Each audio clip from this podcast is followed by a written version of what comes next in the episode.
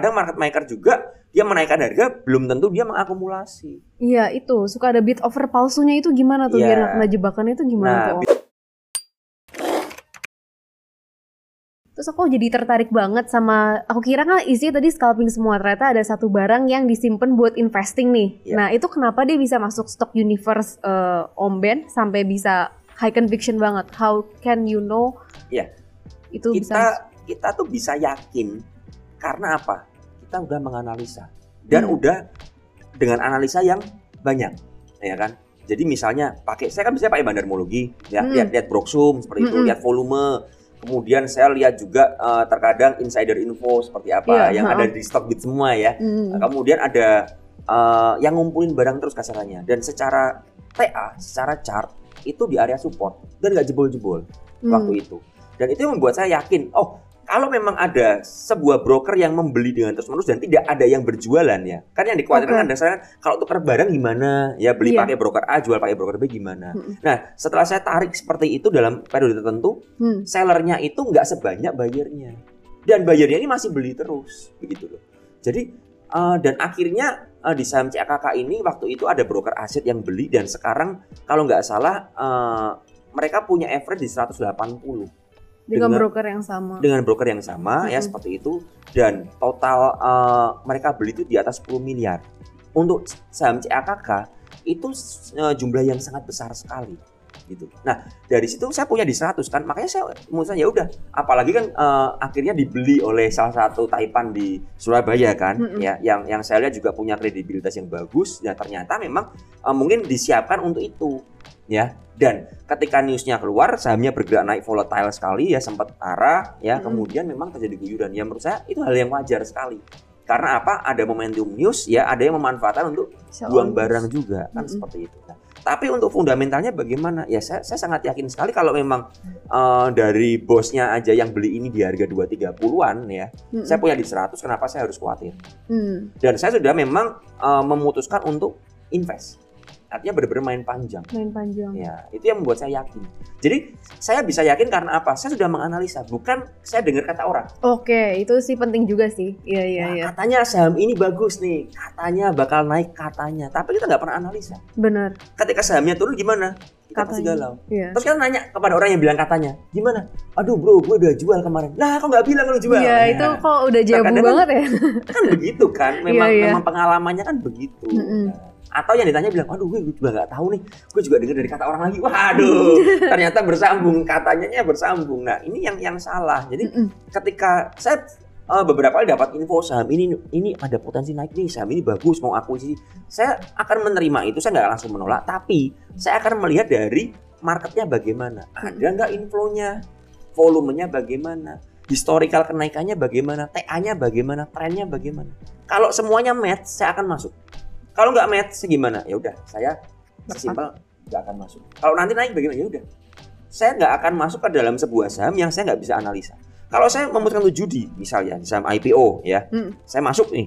Ya udah saya siapin. Kalau memang loss ya udah siap loss karena memang eh, spekulasi.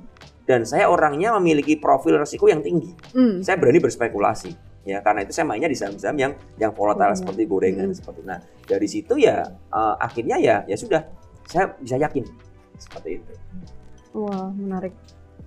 Kalau tadi juga bahas tentang saham IPO nih, lagi rame banget kan Hmm, ya banyak eh, beberapa IPO upcoming in the pipeline gitu kan ya. Hmm. Kalau misalnya dari Om Ben tuh cara kan spekulasi, apakah Hmm. Om Ben join IPO names kah atau kayak itu kan ada susah ya di spekulasi ya kadang ya. ya ya ya saya jujur ketika gini ini ini pribadi buat saya ya jadi Iya, personal ha. opinion aja Hmm. ya jadi eh, silakan teman-teman setuju atau enggak ya masing-masing aja kalau buat saya gini ketika marketnya saya menemukan oh ada sebuah saham yang bisa saya profit ya Hmm. eh, winning rate saya tinggi di situ saya akan menghindari saham IPO dulu karena saham IPO kelemahannya adalah kita order misalnya let's say kita masuk 100 juta kita belum tentu dapat 100 juta Betul, betul. kalau dikasih banyak ya 50 juta kita panik Bener, itu. kalau nggak dikasih banyak cuma dapat satu juta atau Ya, 5 juta gitu. aduh kok nah akhirnya saya berbeda daripada 100 juta ini saya masukkan ke saham IPO yang chance-nya seperti itu ya. Walaupun kalau sampai dapat sedikit arah berjilid-jilid. Mm-mm. tapi dapatnya dikit ya kan? Kalau sementara saya menemukan saham yang memang saya bisa scalpingan ya di pagi hari seperti itu ya. Ya saya mending masuk yang bisa scalpingan. Karena saya bisa masuk sejumlah besar dana yang saya memang sudah siapkan. Tapi kalau IPO kan saya dapatnya kan hanya sebagian. Hmm. Kalau dapat banyak ya kayak dulu ada pernah dikasih 100% ya. Mm-mm. Pesan misalnya 10 juta dikasih 10 juta. Waduh, langsung ARB sahamnya. Nah kan itu sedikit eh, trikinya saham IPO. Ya, ya. Kalau teman-teman mau masuk bagaimana nggak apa-apa, tapi ya pastikan membaca prospektusnya Mm, mm, mm, mm. membaca siapa pemiliknya, ya siapa di balik perusahaan tersebut. Terus perusahaan ini ada nggak masa depannya? Perusahaan ini itu ada nggak secara fisik tuh ada nggak? Kemudian IPO tujuannya itu apa? Utangnya seberapa dan lain sebagainya. Ada nggak kepentingan untuk digoreng dan lain sebagainya? Itu yang harus kita ketahui. Mm-mm. Nah, kalau kita yakin baru kita berani memasukkan sejumlah besar dana yang seandainya kalau dikasih semua kita siap. Ya kan? Oh betul betul. pesan 10 m ya Dapat dikasih 10 m 10M. beneran pusing ya kan nah itu gak, gak boleh kita harus berani ya siap resikonya terima resikonya kalau dikasih semua ya bagaimana? Ya udah siap. Mm-mm. kalau dikasih sedikit ya ya sudah. Nah ini yang yang menjadi eh, dasar untuk kat- waktu kemarin saya beli saham IPO ada alasannya. Misalnya ya waktu itu saya punya sejumlah besar dana Mm-mm. yang saya nggak pakai ya udahlah. Saya mau tadi juga nggak tahu trading apa akhirnya apa? Saya pesankan IPO Mm, Ya, siapa tahu naik ya. Ya sudahlah kalau naik kalau enggak ya sudah.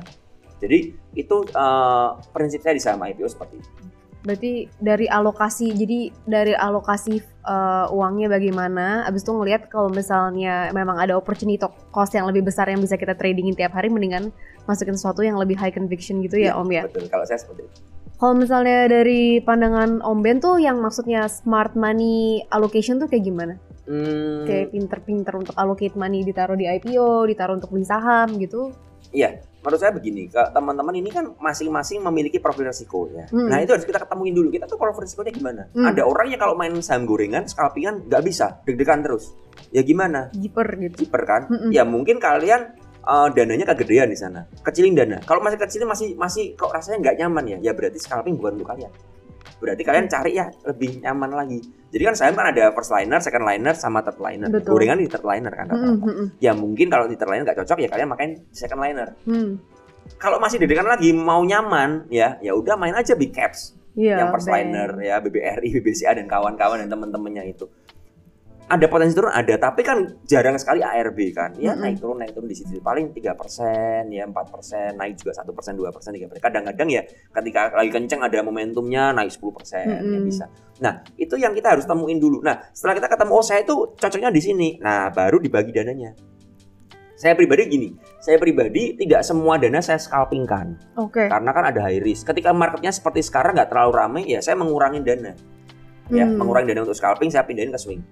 Ya, saya pindahin atau saya parkir dananya. Oke. Nggak, nggak saya parkir. Ya, jadi seperti itu. Nah, itu eh, teman-teman harus ngerti market kita tuh bagaimana. Marketnya ini rame nggak? Kalau marketnya kayak sekarang yang terkadang rame, terkadang sepi, yang rame cuma di pagi hari, kemudian sepi sepanjang hari, Mm-mm. Eh, ya udah ya jangan agresif main aja pagi-pagi kemudian selesai istirahat jadi eh, pintar-pintar kita mengatur nah alokasi dana saya kalau marketnya pas enak-enak buat scalping saya akan all in semua dana di, di scalping Wow. karena memang saya merasa oh seperti contoh bulan Agustus September kalau nggak salah This year. Agustus ya ya Iya, this year. mm-mm. itu eh, menurut saya salah satu market yang oke Hmm. di saham gorengan ya. Hampir semua saham gorengan itu bergerak naik. Nah, ketika saya ngerti seperti itu bagaimana? Ya, saya all in terus di saham gorengan. Ya, make money di sana. Nah, kemudian mulai masuk September, Oktober sepi. Nah, gimana sekarang ya? Saya mengurangi posisi. Ya. Hmm, hmm. Nah, Dengan kita mengerti seperti itu ya dari September sampai eh, ke sekarang ini kan bulan kemarin saya banyak lossnya. Hmm. Tapi kalau di total saya masih profit. Oke. Karena apa? Saya mengalokasikan dana tertentu. Ketika marketnya enak, saya agresif. Hmm, Ketika market enak, saya menahan diri. Oke. Sehingga kalau loss gimana? Gak gede lossnya. Nah, ketika kita agresif, kalau cuan gimana? Cuannya berlipat-lipat. Nah, Iya. ini yang mesti kita pintar-pintar untuk mengerti market. Makanya teman-teman, eh, sekali lagi saya bilang ya teman harus terus belajar. Ya. Hmm, Marketnya ini gimana? Kita nggak bisa lawan market. Ya. Benar. Marketnya oke di saham gorengan ya hajar saham gorengan. Marketnya oke di big caps ya lari ke big caps. Ya kan? Saham Hmm. gorengan sepi ya jangan masuk saham gorengan dulu. Ya kan? Benar benar. lari ke yang lain dulu cari cari saham-saham kan beberapa ada ada saham-saham proyekan yang tiba-tiba naik terus ya kan tiap hari naik aja nah main aja di sana saya selalu seperti itu saya akan mencari di mana eh, marketnya tuh maunya gimana? Hmm, nah kalau kita nggak melawan market kita ngikutin market ya ya udah kita akan bisa mencoba menikmati aja. Begitu kalau saya. Berarti kuncinya ngeliatin kayak akumulasi sama distribusi dari Yes. total marketnya gimana. Yes. Abis itu kita apa harus gak boleh ngelawan market gitu. Karena kalau kita kalau ada yang salah, berarti bukan marketnya yang salah, tapi kita harus koreksi diri gitu ya. betul market itu selalu benar market nggak pernah salah Hmm. kita yang salah aja kita yang salah menempatkan dana kita yang salah membuat plan ya kita yang salah membaca arah market mungkin Hmm, seperti hmm, itu hmm. Oke, jadi terakhir itu tentang bahas tentang akumulasi dan distribusi ya Om. Mm. Biasanya kalau misalnya mau lihat market itu going ke mana itu gimana? Lihat untuk akumulasi dan distribusinya itu lihat year to date kah, month on month atau? Eh, tergantung time frame kita Hmm. kalau saya kan memang swing sama scalping jadi saya nggak pernah lihat eh, narik broksum itu nggak pernah panjang Oke. paling eh, dari mana saya mulai menarik broksum saya bisa menarik ketika muncul volume Hmm. ya ketika muncul volume atau ketika ada perubahan tren ya misalnya dari downtrend sideways ke uptrend ya Hmm. Nah itu saya akan akan cari siapa sih big player yang beli. Karena harga saham bisa bergerak naik pasti ada big playernya. Gak mungkin ya kan? Benar. Gak mungkin ketika kan- kenapa ada volume besar ya? Biasanya volume besar terjadi karena apa? Karena ada transaksi jual beli yang besar juga Hmm. sehingga membentuk volume di hari itu. Nah itu saya akan cari siapa yang melakukan transaksi itu ya dari apa dari broker summary ya memang kita nggak bisa lihat live di market tapi kita bisa lihat end of day Betul. Nah dari situ yang menjadi acuan. Oh saya melihat oh kok ada broker tertentu ini yang terus mengakumulasi misal seperti itu. Tapi nggak ada seller yang masif ya. Hmm. Artinya sellernya juga kecil-kecil. Apalagi broker yang mengakumulasi broker institusi rata-rata yang jualan broker-broker yang dipakai teman-teman retail rata-rata kan begitu kan. Nah saya melihat begitu dan saya cocokkan lagi dengan TA-nya. Risknya bagaimana? Hmm. oh risknya kok menarik kecil risknya. Kemudian trennya kok bagus ya. Trennya jelas bukan yang trennya yang yang yang serampangan. Enggak trennya kok jelas. Nah gimana? Ya saya akan berani untuk beli di situ. Nah itu itu yang yang, yang saya lihat. Tapi saya juga bisa melihat secara foreign flow dan Oke. ini ada juga di Chartbit juga ya Oh, malah mm. ada indikatornya segala kan di situ di Mm. apa di Chartbit dijelasin juga di situ nah nanti saya akan juga bulan ini saya akan coba buat uh, untuk kontennya ya Hmm. untuk bagaimana melihat secara TA chartnya ya pakai foreign flow di situ. Nah, saya eh, untuk foreign flow saya akan pakai di saham-saham yang hmm, big caps.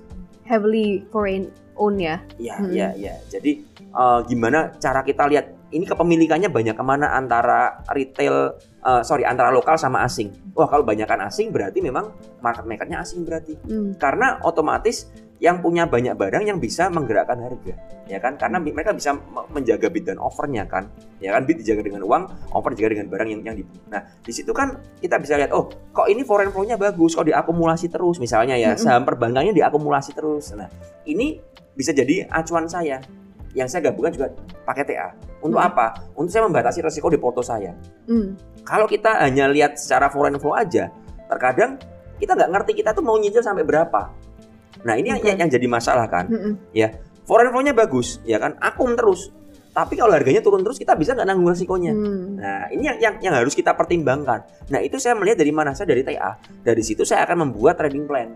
Oh Oke. saya akan beli di area sini. Oh di area sini area kuat nih, ada rejection terus, ya selalu mantul di sini. Oke saya akan coba beli di sini Hmm. ya untuk ngikutin asing. Nah, itu yang saya lakukan. Jadi saya melihat akumulasi dan uh, distribusi itu rata-rata manual seperti itu. Oke. Saya lihat dari foreign flow, dari broker summary ya kan, Hmm. seperti itu.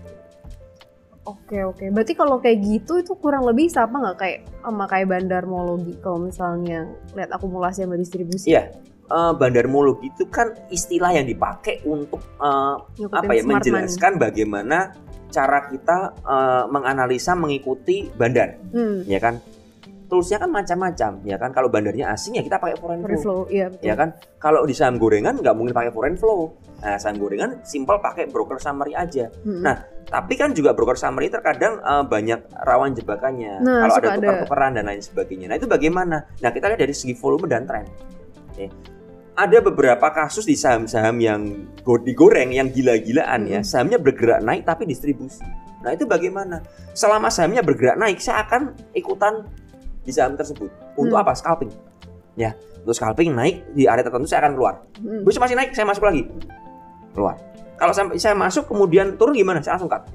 Nah, jadi saya simpel hanya numpang aja ya, memanfaatkan momentum karena terkadang market maker juga dia menaikkan harga belum tentu dia mengakumulasi. Iya itu suka ada bid over palsunya itu gimana tuh Iya. biar kena jebakannya itu gimana Nah, tuh? Bid over palsu itu biasanya kita lihat begini. Eh, di saham-saham gorengan kalau sahamnya nggak bergerak biasanya bidnya tipis-tipis kan. Oke oke. Nah, ha-ha. kita lihat eh, ketika udah mulai bergerak, oh ini kok udah biasanya dari misalnya ratusan atau ribuan jadi Hmm. puluhan ribu. Nah, angkanya kok mirip-mirip. Nah, ini hati-hati. Kadang-kadang ini bisa eh bit Tren. palsu seperti itu. Nah, tapi eh, apakah itu harus kita hindarin? Nah, ini kembali ke masing-masing. Kalau teman-teman masih belajar, nggak terlalu berani, ya kan? Mm-mm. tapi pingin ngerti ngerasain ya siapa tahu keguyur ya kan Iya, begitu iya. kan siapa tahu beatnya dicabut begitu kan ya coba aja pakai lot kecil Oke. Nah, di situ kita akan bisa ngerti oh caranya begini oh nanti begini karena tiap setiap market maker atau big player itu memiliki karakter pasti nah ketika kita udah terbiasa belajar menghafalkan karakternya ya Hmm. kita ngerti oh ini barusan jalan nih saya berani masuk nih Mm. apalagi di area support nih barusan jalan nih naik ke atas wah udah mulai berat nih rasanya kok udah mulai berat ya Mm-mm. udah saya, saya kabur deh Oke oke. jadi ada beberapa market maker pun yang saya perhatikan ketika dia turunin dari pucuk ke ARB itu rata-rata kadang-kadang turun ke kuning dulu. Mm. Nah kalau udah naik turun ke kuning, saya udah bilang sama teman kadang hati-hati warning nih, udah mulai kuning nih. Mm. Nah karena biasanya mantul sekali lagi untuk mancing orang kemudian baru di ARB. Benar-benar. Jarang sekali dari pucuk langsung diguyur ke bawah. Tapi ada beberapa yang memang seperti itu. Mm. Nah, kalau saya ketemu saham yang benar-benar market makernya sadis ya dari arah tiba-tiba dicabut semua langsung lurus turun ke bawah seperti itu sampai eh, ke bawah gitu ya. Saya simpel nggak akan mau main di saham tersebut. Mm, Oke. Berarti kan memang eh, sopirnya kan sesuka-sukanya. Iya iya. Bener-bener semaunya ya kalau udah pengen jual-jual cabutin semua ya ini kita harus ngikutin dan kita nggak bisa menyalahkan mereka ya kan karena kita penumpang Benar benar. ya kan sesimpel kita misalnya mau naik angkot ya kan Iya. aslinya begitu gampangnya naik angkot ya mau kita milih lu mau naik angkot ya mau naik taksi ya taksi pun ada yang taksi eh, yang biasa yang murah atau yang premium Mm. ya kan yang hitam-hitam itu nah dari situ kita bisa ngerti nah kalau saya nggak nggak suka sopirannya misalnya nih dari dari jurusan Matraman Kampung Rambutan misal seperti itu Iya. ini sopirnya rata-rata gila nih ya kan gitu. Mm. ya jangan naik Jangan Angkot. naik lagi, benar. milih busway mungkin yang lebih nyaman atau cari yang lain ya Mm-mm. atau pakai ojek online kan sesimpel itu Iya iya. sama dalam trading pun begitu kalau kita ngerti memang saham tersebut market makernya serampangan ya sesimpel jangan masuk jangan setelah masuk kita maki-maki ya kan Iya. setelah masuk diguyur wah market makernya sialan gini gini. Dan numpang marah-marah Nah, lagi numpang ya. marah-marah mereka kan juga market maker ini juga cari cuan Iya bukan cuman mereka bukan badan amal ya lembaga Iya, bansos benar. yang bagi-bagi cuan ke retail enggak Iya, mereka iya. juga cari cuan nah dengan cara mereka yang berbeda nah tugas kita bagaimana makanya bandarmologi itu juga mengamati cara kerja market makernya Mm. market makernya ini pasangan bid overnya bagaimana dan lain sebagainya kalau kita cocok ya berani ya udah ikutan aja Benar. ya kalau nggak cocok ya jangan ikutan Hmm. sesimpel itu aja Benar Ya. sih. apakah saham-saham yang ada spam order kemudian bid palsu itu nggak bisa cari cuan? Bisa, saya juga sering dapat cuan dari sana. Mm. Tapi resikonya lebih tinggi. Artinya apa? Harus dipantau, jangan ditinggal-tinggal. Harus pantau begitu kelihatan nggak nyaman di hati kita. Saya begitu nggak nyaman ya, saya akan keluar. Mm. Yang penting saya udah dapat cuan, ya kan dapat Hmm. dua tik, tiga tik atau mungkin eh, berapa persen ya sudahlah ya. Mm. Namanya juga numpang kan begitu kan. Daripada kita greedy kemudian diguyur, nah, kan begitu. Jadi intinya adalah bagaimana cara kita ini menjaga porto kita sesuai nggak kembali lagi dengan profil resiko kita. Benar-benar. Itu yang Oke. penting banget menurut saya. Berarti untuk tahu bid atau offer palsu, pertama kita tahu barangnya apa, habis itu kita amatin barangnya apa, habis itu kita juga liatin kadang-kadang kan patternnya sama ya nih, supirnya tuh kayak suka taruh bidnya berapa gitu. Hmm. Dari situ kita udah mungkin better know the ini. Ya, Terus aku rasa juga kadang-kadang mungkin saham yang cocok kayak supir yang cocok sama Om Ben belum tentu supirnya cocok sama aku juga gak sih? Iya, Jadi karena kan bersama. kembali profil kita berbeda, ya kan? Benar, saya benar. dengan Talia kan berbeda, posisinya bisa beda-beda. Dengan teman-teman yang lain juga resikonya bisa beda. Benar. Ada benar. yang nggak berani, ada yang suka malah. Iya iya Karena iya. apa? Mungkin orang ini bisa cuan terus di sana. Benar. Maka saya selalu bilang kalau memang winning rate kita tinggi di sebuah saham tertentu dan kita cuan terus, Hmm. ya udah main saham itu aja, nggak usah main banyak saham. Benar. Kita kan di market ini tujuannya cari profit, ya kan? Bukan gagah-gagahan porto kan, kan Iya begitu iya. kan. heeh. Kalau memang saya pribadi kalau memang saya masih menemukan saham A ini tiap hari menghasilkan profit, ya saya akan main di saham A terus sampai nggak bisa profit lagi, sampai mentok, sampai selesai, sampai koreksi, sampai perubahan pola. Oh ya udah, polanya Hmm. udah berubah ya udah saya akan cari saham lain. Yang penting apa? Kita bisa menumbuhkan porto kita dengan cara masing-masing. Ada yang scalping, ada yang invest, ada yang swing, ya kan Hmm. begitu. Ada yang di saham gorengan, ada yang di saham big caps. Tergantung masing-masing. Makanya saya juga menemukan beberapa teman yang memang expert di saham gorengan, ada yang ketemu di saham big caps, ada yang cuma pakai foreign flow aja, Hmm. tapi dia pakai foreign flow dan dia bisa cuan. Ya gimana? Ya nggak apa-apa. Berarti itu dia udah ketemu Cocok. sistem tradingnya. Ya kan nggak perlu kita saling mencela kan. Aduh kamu Iya, benar. gorengan tuh apa sih gini-gini. Nah, permasalahannya kalau kalau misalnya eh, wah jangan main saham gorengan lo gini gini gini gini, saya Hmm. gitu kan. Mm-mm. Tapi orang ini bisa profit misalnya year to date-nya bisa 500% dari modalnya dia. Ya kan? Mm-mm. Lah, kenapa enggak? Kan begitu, Mm-mm. ya kan? Ada orang main saham big caps, ta- tapi di saham big caps dia cuma punya prinsip saya punya dana gede misalnya seperti itu. Daripada saya masukkan deposito dan lain sebagainya atau reksadana, saya lebih baik di saham big caps. Saham big caps saya saya dalam setahun bisa profit Betul. 50% porto.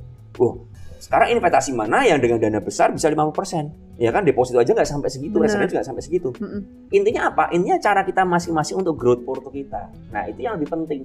Nggak perlu diperdebatkan karena kalau kita mencari perbedaan, Hmm. orang kan berbeda Benar. sesuai dengan uh, kapasitas masing-masing. Makanya lebih enak kan kita ya udah kalau memang ada expert di saham gorengan, ya udah kalau mau belajar ya di sana. Kalau ada yang expert di saham big caps pakai foreign flow ya udah belajar di sini. Tapi Hmm. nggak perlu saling menyerang. Kan begitu kan lebih Bener. lebih lebih nyaman. fair lah, fair. Lebih fair kan. Bener. Ada yang pakai fundamental bisa cuan, ya dapat saham beggar. Ya nggak apa-apa. Mm-mm. Ya saya ketemu teman-teman yang uh, value investing nggak pakai TA di saham downtrend pun waktu itu ada sebuah saham lagi downtrend saya secara TA melihat ini sahamnya lagi buangan downtrend ya dan distribusi Mm-mm. buat dia ini chance untuk beli karena dia lihatnya fundamental ke depannya dan ternyata Benar. saham yang dia pilih sekarang naik dari harga kalau nggak salah 6.000 sampai 8.000 sekarang artinya apa analisanya tepat kan Benar. karena dia secara fundamental naiknya kapan ya kita nggak ngerti time frame-nya panjang kan begitu Mm-mm. Nah ini yang masing-masing dari kita harus apa ya harus lihat. Jadi buat saya semua analisa baik bahkan saya sempat bercanda juga kalau kita dengan cara ngitung kancing aja bisa profit pakai itu aja. Oke. Bener kan? Iya benar benar. Bener kan? Yang Hmm. dicari apa? Profit. Cuan. kan? Iya, Dan profit yang konsisten. Kalau bisa konsisten dengan cara ngitung kancing ya pakai itu aja. Gak perlu belajar analisa macam-macam. benar. Saya pribadi saya kalau udah ketemu satu sistem yang benar-benar saya pakem dan saya nyaman pakai, saya akan fokus di sana. Saya akan mengembangkan dan membuat ini lebih tajam lagi Hmm. daripada saya harus belajar dengan banyak indikator. Makin harus- pusing ya berarti kalau pusing. pusing. Saya pribadi nggak terlalu jago fundamental. Hmm. Karena itu saya nggak maksa untuk main di saham-saham fundamental. Oke. Saya fundamental ya simpel lihat laporan keuangan, ya PBV simpel-simpel aja lah ya. Mm-mm. Yang penting perusahaannya jelas, prospeknya ada, ada akumulasi. Sesimpel itu aja saya.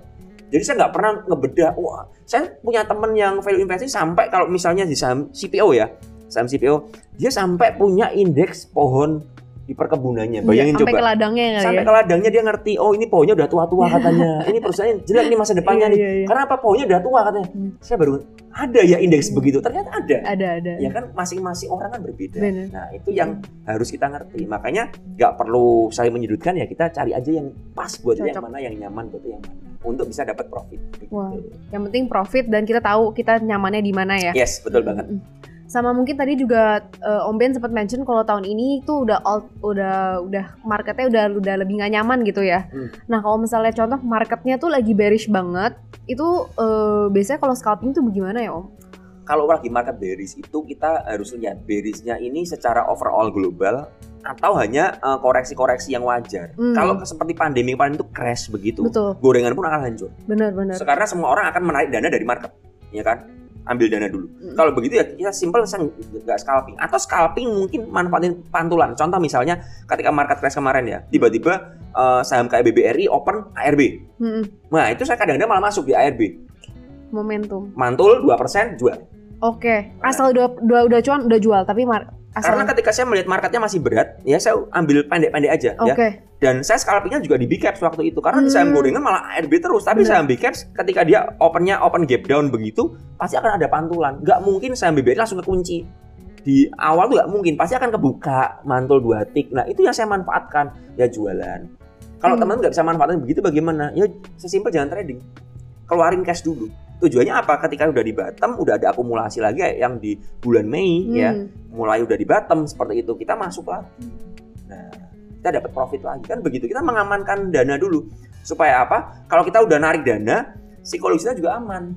Ya kan? Kalau kita lihat porto kita merah yang terjadi apa? Stres kan? Bener. Makin kayak kadang Takut. emosi makin Ya. memacu gitu dan kan ya. pasti akan takut. Semakin panik kan? Semakin panik lihat market dan sa- semakin panik itu kita semakin nggak bisa lihat opportunity Hmm, hmm, hmm. kalau kita punya cash kita nggak panik kita bisa lihat chance kita kita bisa masuk ya oh tapi kalau kita udah nggak punya cash di Porto semua dan nyangkut semua, ya gimana? Benar-benar. Itu yang yang uh, bagaimana cara kita memanage Porto aja. Berarti kalau bearish lihat bearishnya nih koreksi sehat atau Hmm. memang lagi market dari makronya nih kurang bagus gitu. Ya. Habis itu dari situ baru mainnya jangka pendek-pendek aja berarti ya. Ya. Mm, mm, mm. Ya. Sama kalau misalnya memang yang mentalnya jiper sama nggak bisa trading mendingan tarik cash dulu berarti ya. mendingan istirahat dulu. Oke oke. Wah udah banyak banget sih dapat tips and tricks nih dari Om Ben. Apakah ada tips and tricks tambahan nggak nih? Atau biasanya Om Ben tuh sebelum apa uh, scalping gitu sebe- ma- malam sebelumnya tuh apakah do any trading planning kah atau Ya, belajaran? Ya, ya, ya. Eh, karena ketika saya nggak nggak menganalisa itu biasanya ngeblank besoknya kan Hmm. mau trading apa. Tapi ketika kita sudah contoh hari ini ya, hari ini Hmm. tadi kan saya di kantor ya, Iya, tadi di kantor tadi trading kan. iya. Ya, kenapa saya seperti itu? Karena sudah udah lihat dan saya fokus pagi saya akan masuk ini dan saya yakin dan Oke. dapat profit. Dapat profit gimana? Ya udah selesai. Ya, apalagi kita bikin podcast begini ya udah nggak trading lagi. Jadi Iya. cuma trading pagi aja. Nah ini yang harus kita atur strateginya. Oke, Dari mana itu saya dapatkan? Dari malamnya. dari malam. Iya dari malam saya pantau, oh saham ini ada akumulasi, oh ini bagus, oh ini lagi rame sahamnya, ini ada potensi nih, ada upside, ini ada habis breakout. Nah itu yang kita dan saya caratin biasanya di kertas, di kertas kecil, saya Hmm. caratin eh, saham A misalnya support di berapa, saham B support di berapa, atau misalnya cuma buat saja ya saya tulis sahamnya aja. Tujuannya apa? Ketika nanti di running trade itu sudah sepi, saya bisa lihat-lihat, oh saya tuh kemarin analisa ini, supaya ingat kan, Iya iya. Oh, saham ini coba saya buka lagi hari ini gimana? Oh, ini oke nih. Area buy sekarang nih gimana nih? Nah, saya mulai atur. Hmm. Itu strategi. Berarti kalau kayak gitu lihat yang gainersnya paling gede dulu atau Hmm, atau yang yang jadi gini, saya biasanya eh, memutuskan lihat watchlist saya dulu, baru lihat yang ada di market. Oke, oke Jadi, oke. Kan percuma kita udah susah-susah analisa, tapi kita nggak pernah Keep, uh, keep dan update. kita nggak nggak pernah jalani analisa kita kan. Mm-mm. Ada orang begitu, udah dianalisa lupa beli. Bener. Seringnya kan begitu. FOMOI. Ya, akhirnya FOMO di mana di market. Nah, yang tercampur di market di gainer itu malah bikin kita FOMO kadang-kadang. Nah, Oke. kalau saya lihat di gainer biasanya saya gimana? Saya nggak langsung beli juga. Saya akan analisa. Ini trennya gimana? Hmm. Ini udah sampai resist belum? Oh, kalau memang dia breakout, ada area pullbacknya di mana? Nah, saya biasanya tungguin di area pullback itu. Lebih Hmm. aman kan? Mm-mm. Nah, begitu. Kalau yang di loser ya saya akan lihat, oh, ini turun udah turun berapa lama? Eh, udah udah kena support belum? Ya, Hmm. kemudian kan bisa dilihat kan kalau pakai stock juga masih bisa lihat kan eh, broker summary kemarin-kemarin kan masih bisa, dilihat. Masih bisa. Saya akan lihat, oh masih ada yang nyangkut nih. Ada eh, beberapa broker tertentu yang nyangkut dengan jumlah gede misalnya. Mm-mm. Sekarang harganya diskon nih dari daripada harga dia. Oh dia pasti akan naikkan dikit-dikit lah. Nah ini kita bisa manfaatin. Makanya saya juga beli Hmm. dengan pembatasan risiko yang sangat terukur tapi ketika saya beli saya batasi risiko. Hmm. Nah ini yang yang penting banget. gitu. Jadi intinya trading ini teman-teman menurut saya Mm-mm.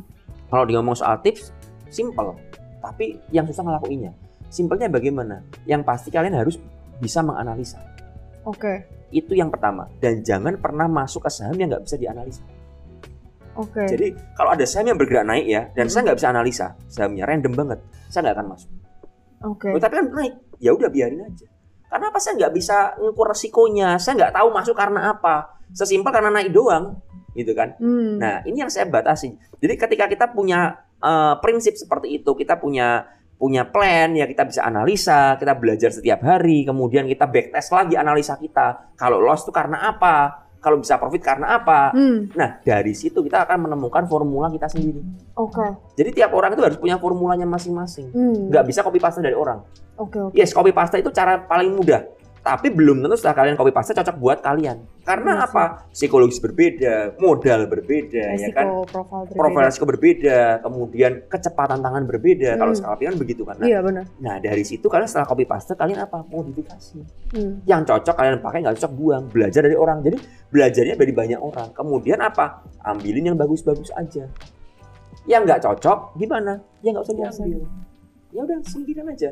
Kita ambil oh dari si A, oh dia mengajarkan ini yang cocok nih, bagus nih. Dia jago dia bandarmologi misal. Ya udah belajar dari dia. Hmm. Oh tapi orangnya kok gini-gini suka nyerang. Ya udah biarin. Gitu deh. misal. Mm-mm. Contoh seperti itu. Si B, ya, si B fundamentalnya bagus, belajar fundamental. Si C teknikal bagus, belajar teknikal. Jadi kita akhirnya akan menemukan formula yang pas dan kita ramu sendiri. Kalau kita bisa ramu ya, kita cocok ya, kita punya kalau kita koki itu kita punya signature dish kita Mm-mm. yang spesial ya kan. Orang akan cari kan kalau koki kan. Mm-mm. Orang akan mau bayar mahal demi apa? signature dish. Karena apa? Di tempat lain ada. Benar. Sama kalau kita punya uh, formula kita sendiri ya, Hmm, kita akan dapat profit. Dari apa? Dari formula ini. benar. Orang lain mau ngomong apa di luar, mau pom-pom apa, mau ngomong apa. Kalau nggak sesuai dengan formula kita gimana? Nggak usah Nggak usah beli. ambil. Simpel kan? Iya, simple. Nah, Cuman masalahnya teman-teman nggak mau belajar cari formulanya. Karena untuk nemu formula ini nggak sesimpel time. telapak tangan.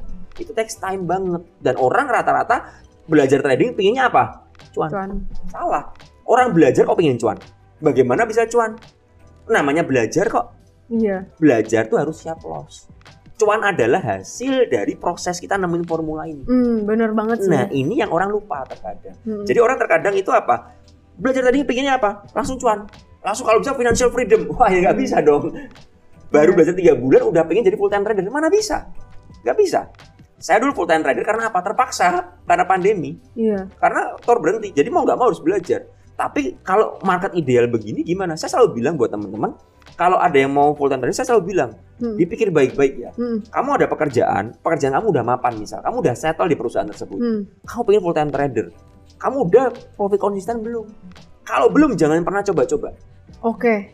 jangan pernah coba-coba dan harus memiliki apa backup dana untuk hidup Hmm. selama 2 tahun nggak. terus saya selalu bilang punya asuransi nggak harus ada asuransi dulu Hmm. udah udah kejamin semua nah Iya. kalau asuransi sudah misalnya udah punya anak asuransi pendidikan anak sudah masa depan ada rumah ada cicilan ada semua udah dialokasikan dana mau full time trader mau switching bakar jembatan asalnya silakan setelah kita mengukur resikonya jangan cuma modal nekat Benar benar. modal nekat bisa berhasil nggak bisa tapi kalau gagal siap enggak apalagi kalau udah berkeluarga udah Hmm. punya anak itu itu bukan perkara yang mudah Benar sih. Makanya saya selalu bilang kalau memang belum profit konsisten sambil belajar kerjalah. Sambil belajar. Semuanya bisa diatur waktunya. Sehingga kamu dapat pemasukan dari pekerjaan yang trading ini juga bisa berkembang pelan-pelan. Nah, setelah nanti jalan kamu Hmm. udah tiga tahun, empat tahun, eh nyaman. Saya kan udah mulai profit konsisten ya, sudah mulai bisa nih. Dana saya tabungan saya sudah ada nih. Silahkan mau resign atau mau usaha sendiri Hmm. sambil trading kan silakan begitu Iya, jangan asal ngawur ya kan begitu Hmm. jangan lihat orang oh orang ini misalnya makanya saya ini tidak pernah menunjukkan profit saya di dalam medsos Oke. saya kemarin kalau tunjukin yang saya tunjukkan apa loss saya loss saya nggak pernah tutupin profit saya tutupin tujuannya apa saya mau menunjukkan bahwa trading ini ada resikonya ini lossnya Hmm. Nah, saya siap nanggung loss ini.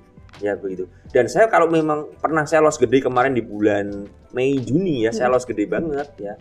Ya mungkin buat beberapa orang nggak gede, tapi buat saya gede banget sih. ya dapat satu apartemen lah ya. Waduh, itu. gitu banget sih Om. Nah, Eh, itu saya tunjukkan. Hmm. Setelah apa? Setelah saya recover. Tujuannya apa? Saya ingin ngajarin orang. Kalau saya masih loss tapi saya belum recover, saya belum menemukan pembelajaran, saya nggak akan tunjukkan. Saya nggak akan bilang-bilang. Setelah saya menemukan pembelajaran, saya akan posting. Tujuannya apa? Saya akan mengajari orang. Ini loh, scalping ini itu jangan ngomong profit instan. Kalau loss juga instan. gitu Iya loh. iya iya benar. Jadi sih. profit instan, loss instan. Nah, siap nggak terima? Orang berpikir, wah kalau dana 100 juta, cuan 10 persen, 10 Gitu. juta. 1 M, wah kalau saya punya 10 M, cuan sa- 10 persen, 1 M dong. Cuman inget Cuman inget cuannya Cuannya. aja. Nggak inget kalau loss 1 M, berarti 100 juta. Kalau 10 M, 10 persen berarti loss 1 M. Hmm. Nah, siap nggak begininya? Nah, ini kalau kita udah siap, baru kita top up dana. Kan Hmm. begitu. Makanya jangan mikir profit instan. Itu yang membuat saya tuh nggak pernah nunjukin profit. Tujuannya apa? Supaya orang nggak FOMO. Hmm. Supaya orang nggak berpikir, wah enak ya Om Ben ya scalping dapat cuan. Ya, jangan salah scalping juga kalau loss gede. Hmm, ya kan? Benar. Tapi bagaimana cara saya membatasinya? Itu yang mau saya ajarkan. Ya kan? Benar. Jadi benar-benar teman-teman harus mengukur semuanya. Ya, jadi eh, tujuannya supaya nggak FOMO aja sih. Saya, saya karena begini ya. Kenapa saya melakukan itu akhirnya? Gara-gara saya waktu di pandemi itu saya menemukan banyak orang Hmm. ya yang nggak ngerti apa-apa, punya dana besar, masukin. Akhirnya loss gede. Bahkan saya kemarin sempat bertemu seseorang ya Iya. yang memang orang ini eh, cukup kaya, dananya berlimpah. Mm-mm. Dia sudah berumur, dia pingin pensiun dengan dana tersebut. Akhirnya dikelolain orang.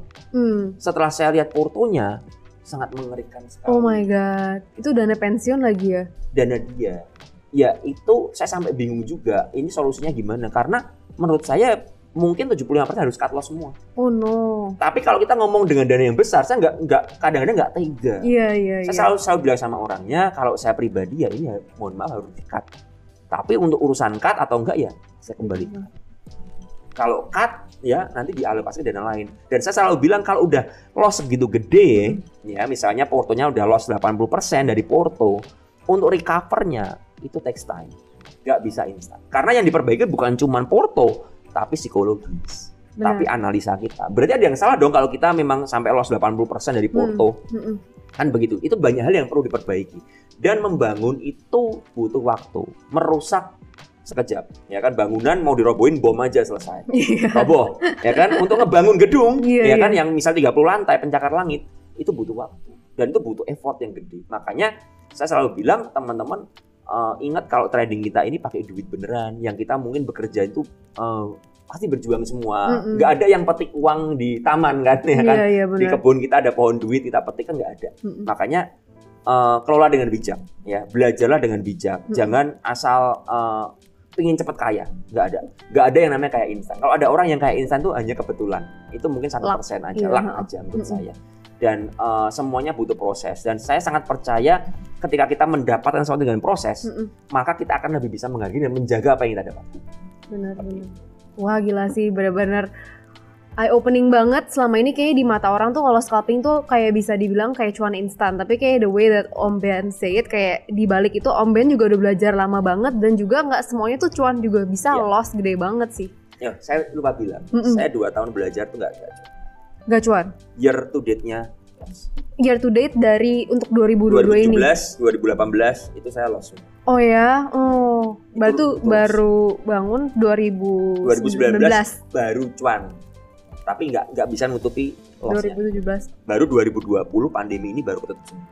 So life is like a lifelong learning lah ya Yes. dan cannot stop. Jadi kalau misalnya kita ketika kita merasa oh kita udah cuan dan kita udah pinter itu ketika kita harus push our, ourselves Ya, even better ya, sih. ya, ya, ya. Mm-mm. karena begini ya saya saya sendiri pribadi terkadang itu merasa nyaman Hmm. dengan dengan keadaan aduh udah udah udah enak nih udah mantep itu yang membuat saya loss besar di bulan Juni Oke. ketika saya bulan eh, April eh, jadi Januari Ma- Januari Februari Maret April saya profit gede dengan dana gede. Mm-mm. kemudian masuk Mei marketnya sepi saya masih agresif dan masih pede. Itu titik gimana saya loss gede. Hmm. dan dari situ saya belajar ternyata kita nggak boleh overconfidence. Benar-benar. kita harus terus lihat. Dan saya selalu bilang begini tenang setiap hari itu kita akan punya waktu untuk apa? Untuk cut loss lagi atau untuk cuan. Jadi hari ini cuan besok belum tentu cuan. Hari ini cut loss besok belum tentu cut loss ya kan Oke, jadi oke. eh, sistemnya circle dan itu kita harus hati-hati Oke, oke, menarik. Berarti harus disiplin, itu kuncinya Yes, ya guys. betul. Oke, thank you banget Om Ben. Sampai ketemu di acara Stockbit Talk eksklusif selanjutnya. Dan jangan juga lupa untuk nonton Stockbit Academy. Oke, bye. Dah.